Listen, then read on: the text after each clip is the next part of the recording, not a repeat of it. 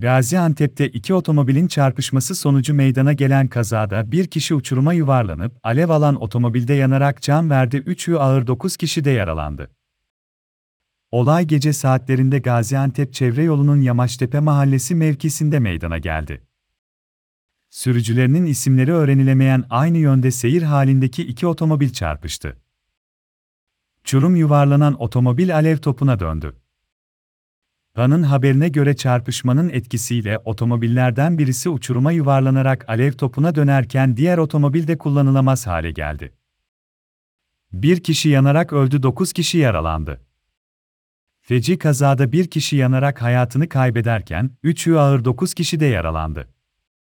Kazayı görenler durumu polis ve sağlık ekiplerine bildirdi. İhbarla olay yerine gelen sağlık ekipleri yaptıkları ilk müdahalede bir kişinin otomobil içinde yanarak hayatını kaybettiğini tespit etti.